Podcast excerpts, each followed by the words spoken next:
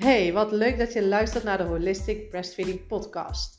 Ik ben Carla en als holistisch borstvoedingscoach is het mijn missie om vrouwen te helpen naar meer rust en vertrouwen in borstvoeding. Wanneer jij je namelijk vol zelfvertrouwen en krachtig voelt, kan jij keuzes maken vanuit jouw diepe innerlijk weten, vanuit de verbinding met jezelf en je kindje. Jij weet namelijk precies wat jij wanneer en op welke manier moet doen. Ik hoop dat deze podcast jou gaat helpen om dicht bij jezelf te blijven, om jouw eigen pad te mogen volgen vanuit de verbinding met je kindje en een sterke borstvoedingsrelatie op te bouwen. Veel luisterplezier! Nou, leuk dat je weer intuned. Vandaag wil ik een hele praktische, een heel praktisch probleem eigenlijk met je bespreken. Die, waarbij mensen eigenlijk bij mij komen om een praktische oplossing te krijgen, maar uiteindelijk met iets heel anders naar huis gaan. Dat is namelijk borstontsteking. Ik heb daar, eh, als je hier even verder scrolt op mijn kanaal, ook een Engelstalige meditatie voor. Die moet ik echt nog ook een keertje in het Nederlands gaan opnemen. Maar in ieder geval geloof ik in het hele holistische stukje. En dat is niet per se body, mind, spirit. Het is, of, of, of dat het voeding te maken heeft. Voor mij is dat gewoon meer uitgaan van alles wat van invloed is op jouw borstvoedingsreis. En daar heb ik al in de vorige aflevering eh, met je over gedeeld. Maar borstontsteking is zoiets wat je heel holistisch kan, mag en eigenlijk moet benaderen.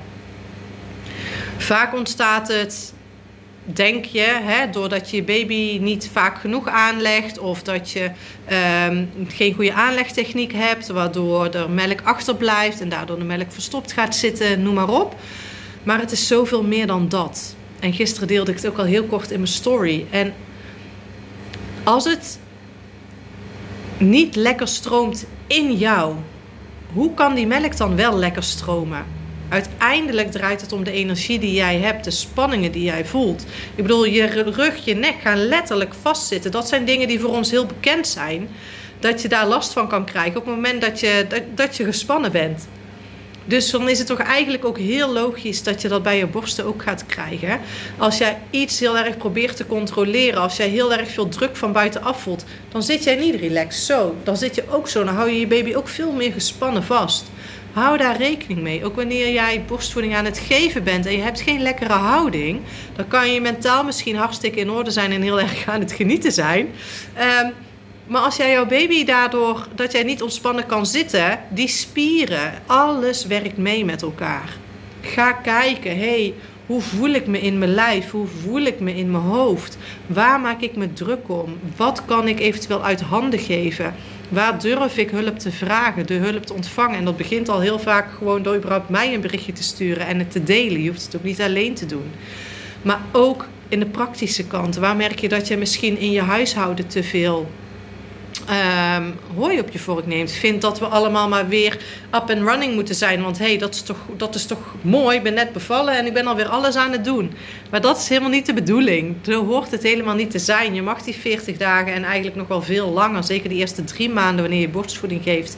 Alleen maar jezelf de ruimte geven om daarop te focussen. Um, dus voel in jouw lijf wat er met jou gebeurt, waar het vast zit.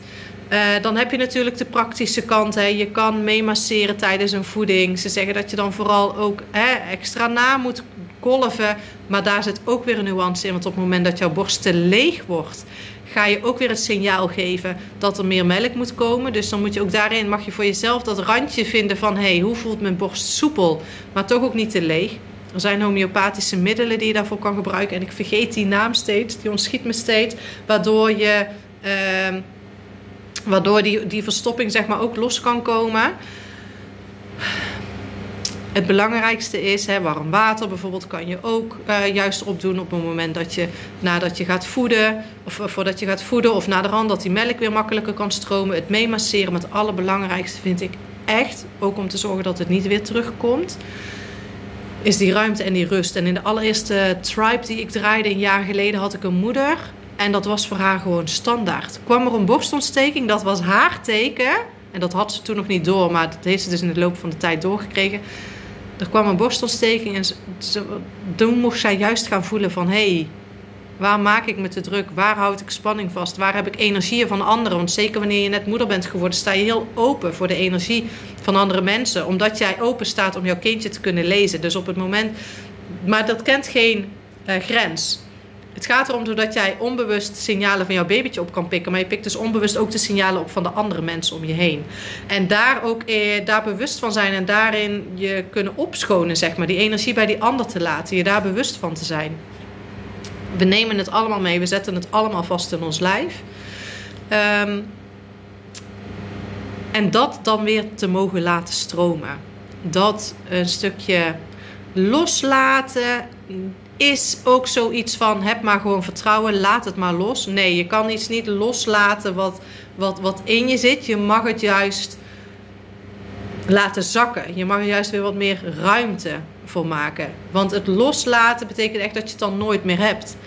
Gisteren had ik een call met een hele mooie vrouw en die zei ook tegen mij daarna, en, uh, stuurde ze mij vandaag een berichtje Ehm, ik voel me zeker meer ontspannen, maar nog niet helemaal. Ja, maar dat hoeft niet. Je hoeft niet helemaal ontspannen te zijn. Maar voel die ruimte die is ontstaan door dat kleine stukje rust uh, die jij daarin hebt gepakt en hebt gecreëerd. Want daardoor kan het gewoon, voel maar eens als het waait en je hebt de deur op een kier staan. Die deur hoeft niet wagenwijd open. Je voelt nog steeds de wind naar binnen komen. Daar gaat het om. Het hoeft niet potdicht te zitten om weer um, ja, een frisse wind letterlijk er doorheen te krijgen. En daarin dus ook dat kleine stukje fijnere, betere energie, klein stukje ontspanning, klein stukje rust.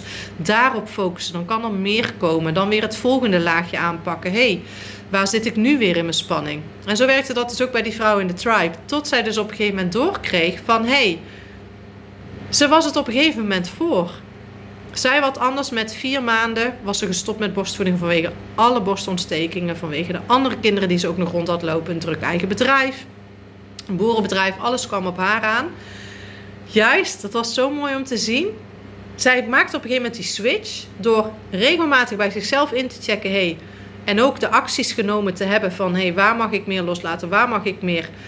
Uh, uh, ruimte creëren, meer rust creëren. Ze werd zich bewust van haar spanning. Waardoor ze die borstontsteking dus voor was. En als ze een borstontsteking kreeg, ging het veel sneller weg. En uiteindelijk heeft ze het ruim een jaar volgehouden. En wilde haar zoon gewoon niet meer. En dat was gewoon super jammer natuurlijk. Want ze had er hartstikke veel voor gedaan. Maar in ieder geval die borstontsteking en die problemen die haar in eerste instantie bezig hè, zou gestopt zouden hebben, hebben haar in ieder geval niet gestopt. En die kracht zit in jou. Als jij ervoor open durft te staan en als jij durft aan te gaan. En daar ben ik natuurlijk ook voor, om jou daarin te begeleiden. Ga naar mijn website, ga naar mijn Instagram. Deel met me hoe jij hierover voelt. Wanneer jij ergens tegenaan loopt. Weet je, echt, ik ben er voor je. En heel veel andere moeders. Durf daar ook open in te zijn. En je kwetsbaar ook in op te stellen. Ik eh, dank je weer hartelijk voor het intunen met deze, uh, deze aflevering. En heel graag tot de volgende.